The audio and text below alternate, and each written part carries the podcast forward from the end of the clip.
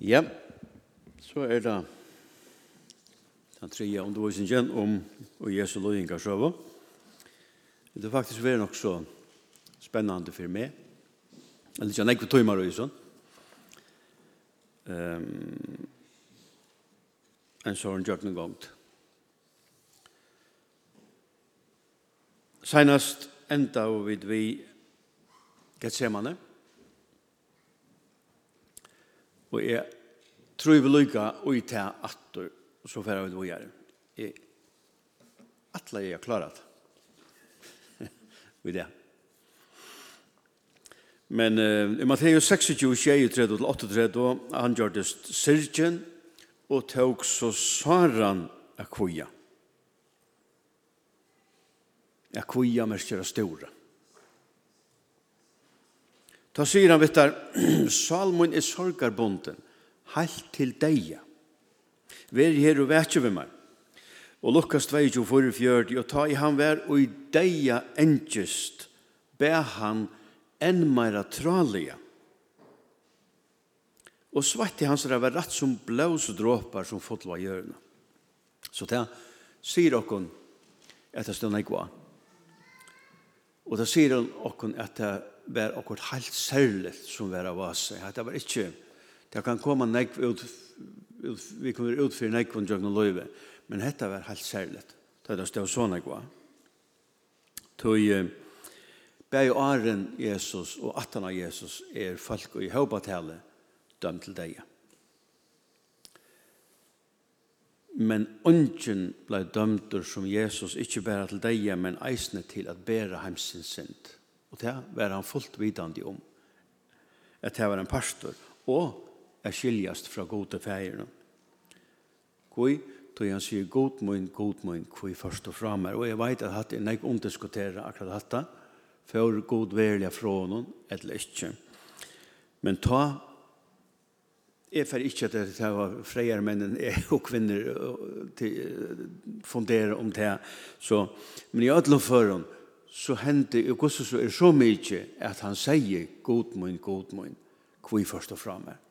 Og det betyr ikke så litt.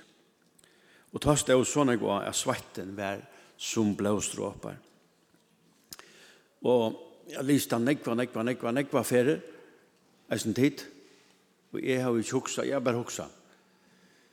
Jeg vet ikke, når man høyre søver, så ikke alltid man setter spurning til for, for, og, og, og, og smalåde vi ødlåna, men men han sveitar blå. Hallo? Har tid prøvd det? Har du sett det? Jeg vet ikke. Men da jeg så var i Kanada, så fann jeg til at det var slett ikke avkjent i lakna av vysendene. Det var en ta et navn, det sier jeg senest. Jeg må lese på at det er hematidrosis. Det eitir hematidrosis til grikst og til er sett saman av tveimen åren, da fyrre er blå, da sætna er svarte. Og årsøkken til hematidrosis er akutt rassla og stress. Og det er oftast, det enda forklart eller leser om det, så er det oftast um, fra anlite og fra pannene, men eisne vi nekler når vi nekler rautene her, rundt om her, rundt om, her, rundt her, rundt om nalvan, men eisen i ærastene. Pluss at man kan blå næsa blå, er sånn presse, og det kan komme blå og i tarakanalene, altså i tarene. Hematidrosis. Og så la sånne lei frelsar i okkara. Og en slukung truste var han under ta han skulle være bøt fire tøyna og møyna synd. Fire som da stender at faktisk å være viffæren som synd han blev alltså jag demoner av sin sida alltså han bär och synder där står skrivet att han blev viffären som synd. Han blev identifierad vår visint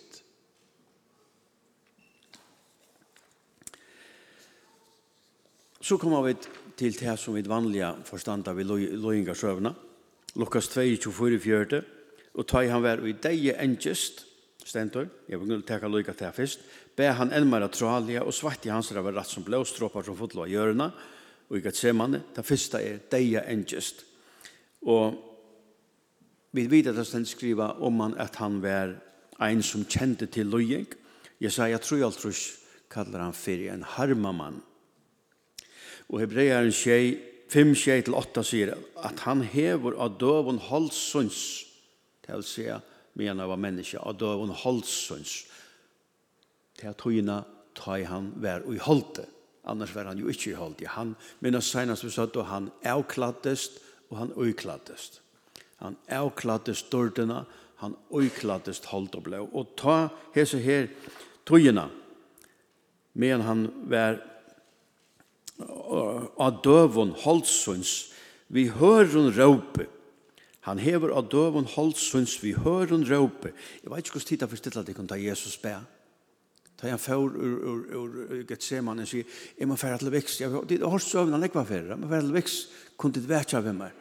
Og så får han, så bæ han og synder. Og jeg har bare hokset meg, ta, at han leiser knæ, eller, eller hva han gjør, det bukka seg, eller så bæ han, og så svettet han blå, og så struttes han, så får han atter, orska og ditje, så får han efter et. Men det stender, Han hever av døven holdssyns, vi høren råpe og tar hun.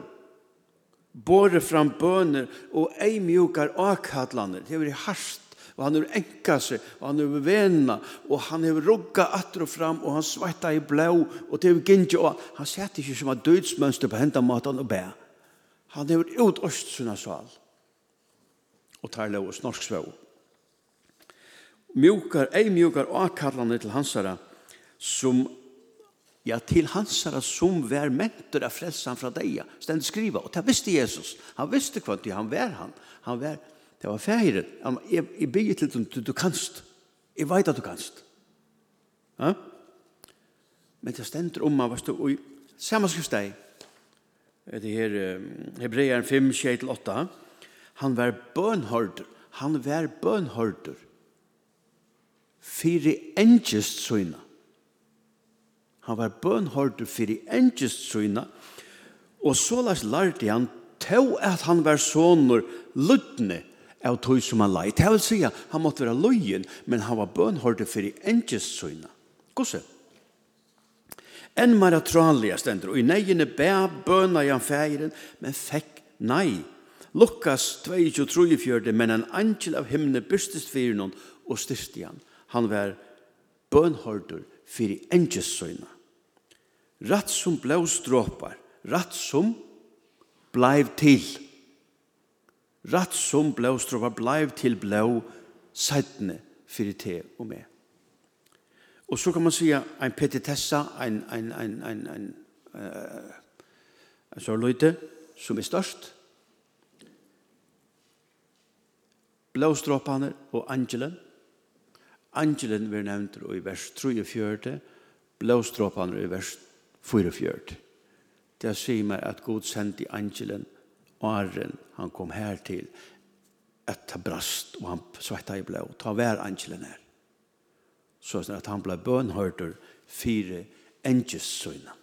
Fire engelsøyne. Så at Gud bæran og i djøknon hessa salar kvølene, hessa kreppena han var i. Så reises der og fer ut. Til gong han ikke der. det er ferdig. Og utanfyr kjemur henda gongan i møtedammen. Ja. Falske munnen. Vi gosson og faklon, kjennlon.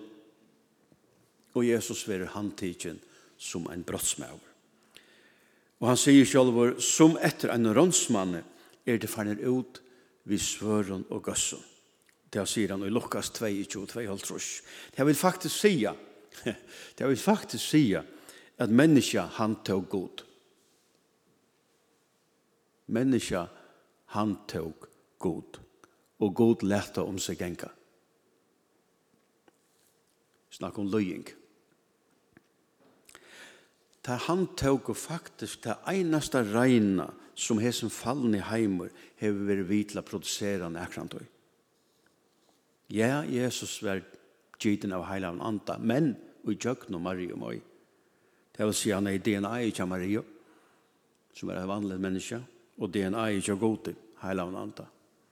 Jeg vet ikke om god hever DNA, men vi har skapt hans rament, så det er mulig. Og så fyrir vi ikke alle små lådene som ble omgant leo, men det enda kja Pilatus Og i Johannes 19, 1 stender at ta tåg Pilatus Jesus og hovflångt i han. Altså han lät han hovflångt, men det stender at ta tåg Pilatus Jesus og hovflångt i han. Og hetta at han hovflångt i han var rutina og er en krossfesting, alt og. Men hesfer var det åttan om. Jeg var hovfletter, er jeg var puskaver og det var puska og så sånn at hoen og alt skratna i.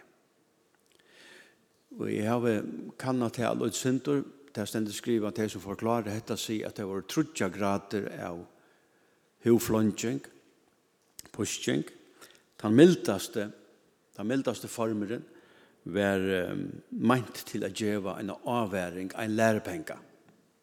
Som til dømes tar i lærersveinene over hovflåndjeng, redla Paulus, til dømes og i øren Korint 11 og 4 sier han at han er i hoflangt og trudjaferer. Men det har vært han mildaste som en lærepeng, en avværing.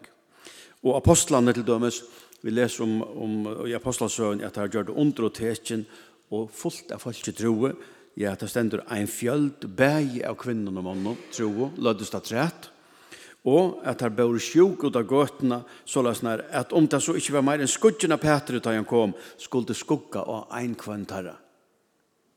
Ta bliv her handtekner og hovflangt, apostelsåan 5-4. Men teir for beina min i gang da at prætka. Det vil si at det ble ikke hovflangt i grad 3, men i grad 1, som en lærepenga, en avværing. Og teir for bort 18 av hovflangtingsnatt, tog sier det, at av hovflangingsene for der borte fra ragen gleder om at det hadde vært hilne verter av loja vannvering for navnsens skuld, og det låter ikke av at læra kvante og i helgedømene, og heima, og av boa gleibåskapen om Krist Jesus. Så det hever vært grad 1. Atla som en lærebensk. Men den brutalaste maten, grad 3,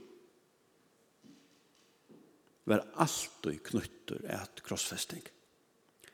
Det var en køyrel ved stuttonskaftet. Her leverreimar var knyttar ui. Og ui leverreimaner var metall etla beinstumpar fester ui, så snar at ho og kjøtt blev skrødd av.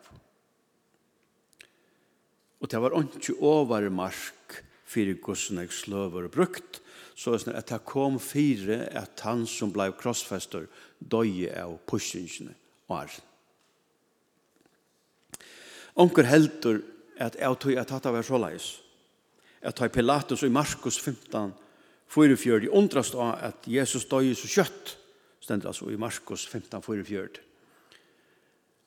Det stender at han var deier, tog at han kom og brød av beinen i Adam, og tog der skulle dødja kjøtar, tog at sabbaten var en. Det det, man, det är en tragisk söva, men det, man är nästan hur Ja, hade något det som heter tragi kom, kom i, kom i tragi kom, just det. Där bor jag efter sabbaten skulle vara halda sabbaten hela igen.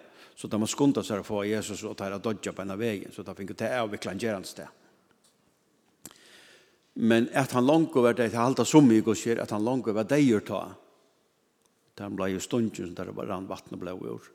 Han var langt og deir ta helst av brutale hovflåndjene som han fikk. Han var ytla ved færen. Torna krono om enne. Det ble jo trustar inn i enne og høtte bløyer ytla til vet av Og det var en spottande øymynd av en konj. Skarlagskappa om hetta sunt og sorleia bætje. Hoa leis og blå og heranar for å skapa en karikatur av en konj. Og sevleggen som skulle uimynda et septor, etla eller som vi gamla, gamla pakt kalla for en veldig språta. Fikk han en humlig, eller det var det kanskje ikke, men noe luknande, ja. Og Johannes 19 tror sier at han gikk ut til hans og satt og heiler og sæler konger jødana og der slå han i anlitt. Krossfest, krossfest, krossfest, røpte fjölden. Og så gjerne hava seg takt først og rakstra råpene ved at horst opp i jøkken søvna. Bæg i møte jødun, men eisen i møte kristnum. Og vi høyra deg enn i det. As we speak. Men tid, vi høyra ikke til nekra fjöld. Vi er jo ikke prusgiven tog som er framme i togene, til ene hver hverja tog. Som heimeren krever av menneskjon. Vi, så satt som vi da var giv i okkara loiv til Jesus, og i Jesu henter, høyre hånden til, lykka mykje kvært er oppi i tøyene. Vi høyre hånden til. Og takt faktisk rakstra råpene til heimenon, må alltid samanberast vi det som skriften eller bøyblian lærer. Tøy fyri en tryggvande. En tryggvande kristna er bøyblian ikkje ein gomul bøk om god, men hon er Guds år til okkara i 2023, etla til ein kvarja tøy. Og ja, det kan, og det fer, er for okken av kollisjonskaus vi nå til samfunnet. Altså kollisjonskaus til krasjkaus. Mm? Det kan og det fer. Og her, ta og det krasjer, så kan det og ferda og føre løying ved seg.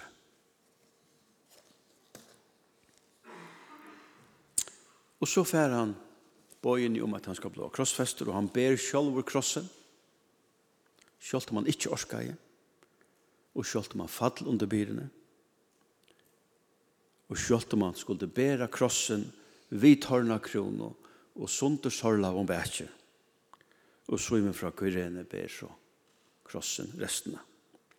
Matteus 26 og 40, men om um, nødgjenda tøyma, råpa i Jesus vi herra rødt og sier Eli, Eli, lama sabachthani. Det är god munn, god mun, kvi förstå fram här. Anna Korint 5.21 sier at han, han som ikke visste om synd, han som ikke visste, ikke visste om synd, altså, det var ikke bare til at han klarer i akkurat, han var menneske som tog, han kjente til frestningar, det sier vi, vi, vi, vi repeterer det oppe sammen, han kjente til frestningar, Men han stod seg med Men ikke bare det. Han visste ikke om synd. Det var så fjert fra honom at han visste ikke om synd. Han gjør det han til synd stender. Og det er rett. Han som ikke visste synd, gjør det han til. Og så er det Johan, han ble identifiseret av som synd. Det var ikke bare at han, at han akkurat som en, en, en jólamaur vi, vi jólagavnen, hei en påse av synd av bætsjonen, han ble identifiseret av atler, vi synd og tog måtte han tøtja. Han som ikke visste om synd, gjør det han til synd, okkara vekna, fyri at vi skulle være Guds rattvise og i hånden. Fyrir at vi skulle være Guds rattvise og i hånden. Tøy blod vi frelst. Tøy ser han ikke okkur. Tøy vit er Guds rattvise og i hånden. Altså alt fer vi tidsi ur. Det er bøtt fyrir det. Helst var akkurat hetta. Myrkasta løtan og i løyingarsøvne tja Jesus.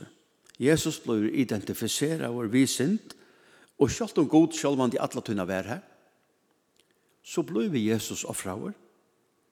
Og i ankran forstand venter god seg fra honom, tog råpa Jesus, god mun, god mun, kvi først og fra meg.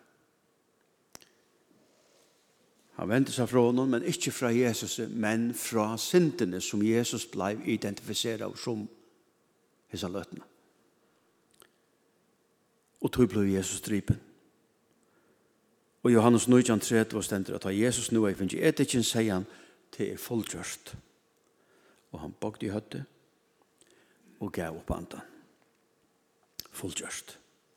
Tid. Vi er dorskjøpt. Vi som sier det. Ja, vi takker det latt vi kvart. Ja, vi hokser ikke alltid om det. Og ja, vi ganger på kompromis, og vi uh, sier at det gjør ikke løydsynder. Men vi er avfætelig dorskjøpt. Fyrsta Petrus fra 1 og 18 til 19.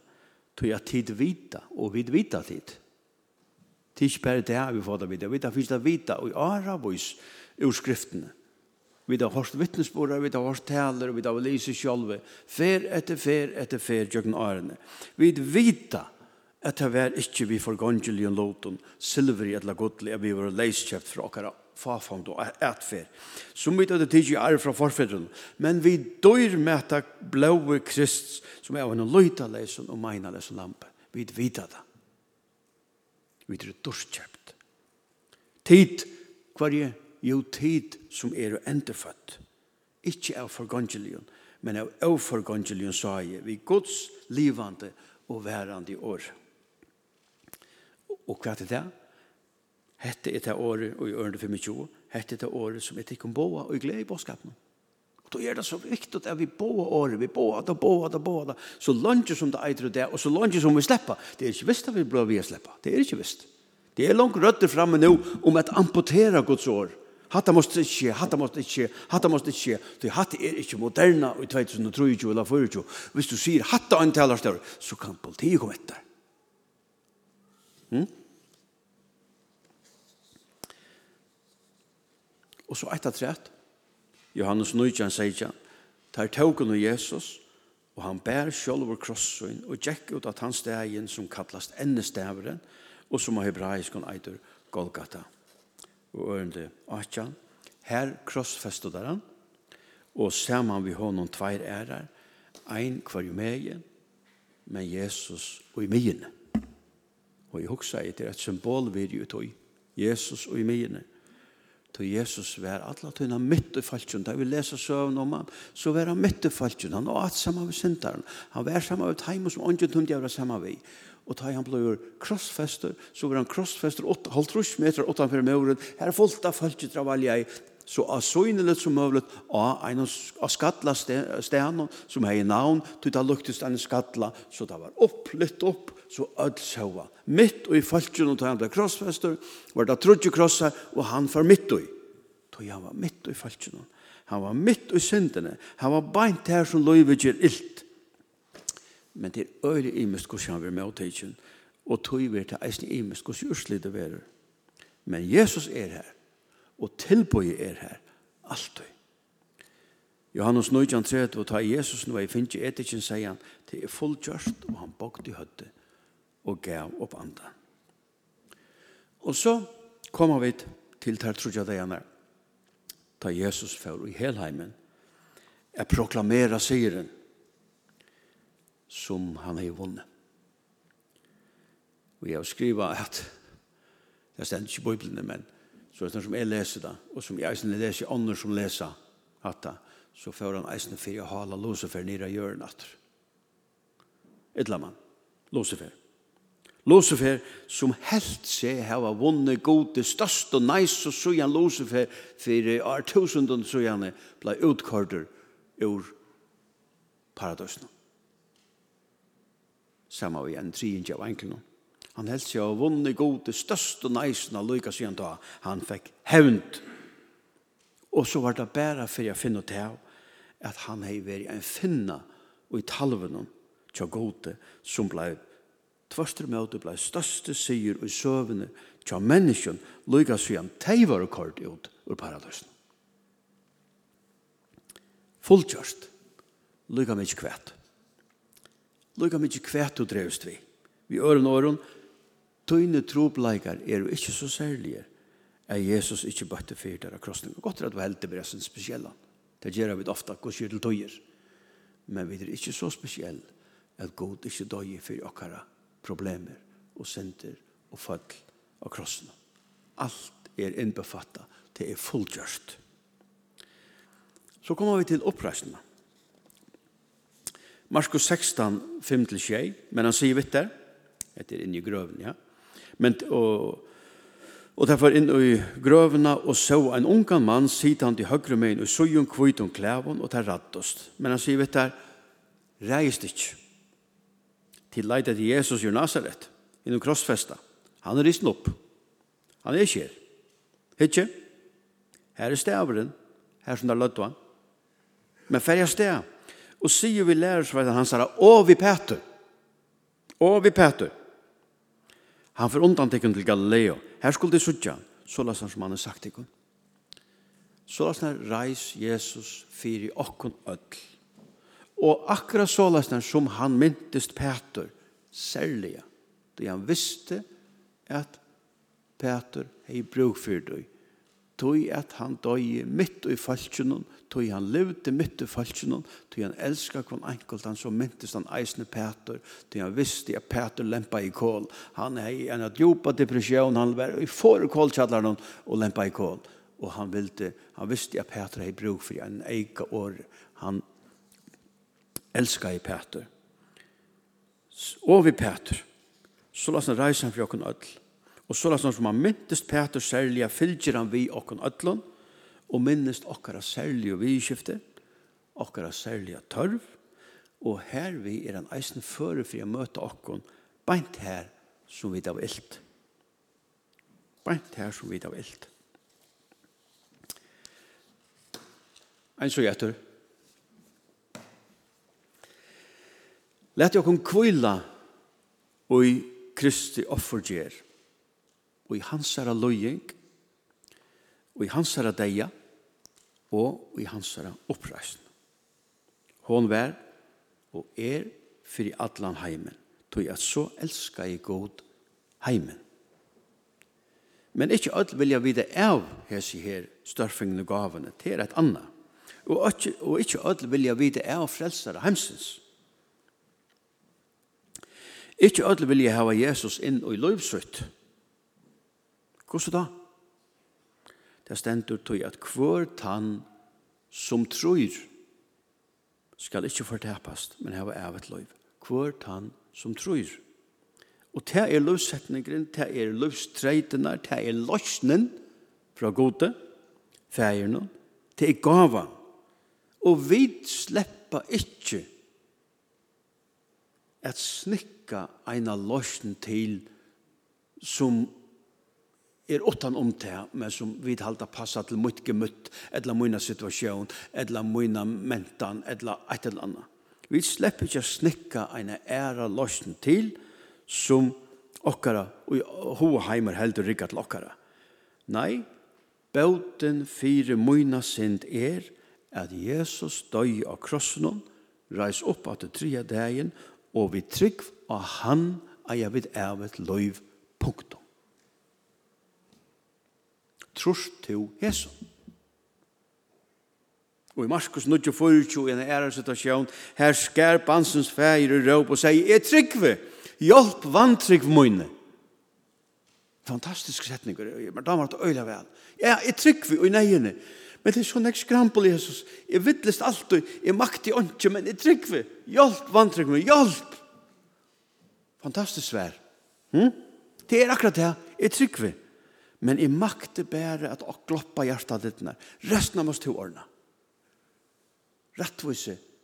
Guds rattvise. Og i hånden. Åndkje av meg sjølven. Jeg tryggvi, men jeg makte bær at jeg var her mot hjertet, så må Jesus gjøre alt. Og her kommer anden, heila i anden, og kun til hjelpar. Alt løyve. Og i öllum stoven løyve.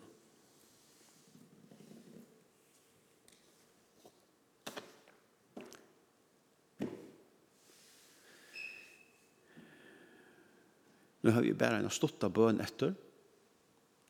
Jeg har skrivet noen nye alt mer lesa na spekelig at de må gjerne blunda med han dit. Lorsta. Og så gjør det vi henne akkurat som de velger selv. Herre Jesus, kom til inn i mitt liv. Takk fyrir at du gjekst løyingarverien fyrir meg. Takk at du døye fyrir meg. Takk at du reis opp fyrir meg.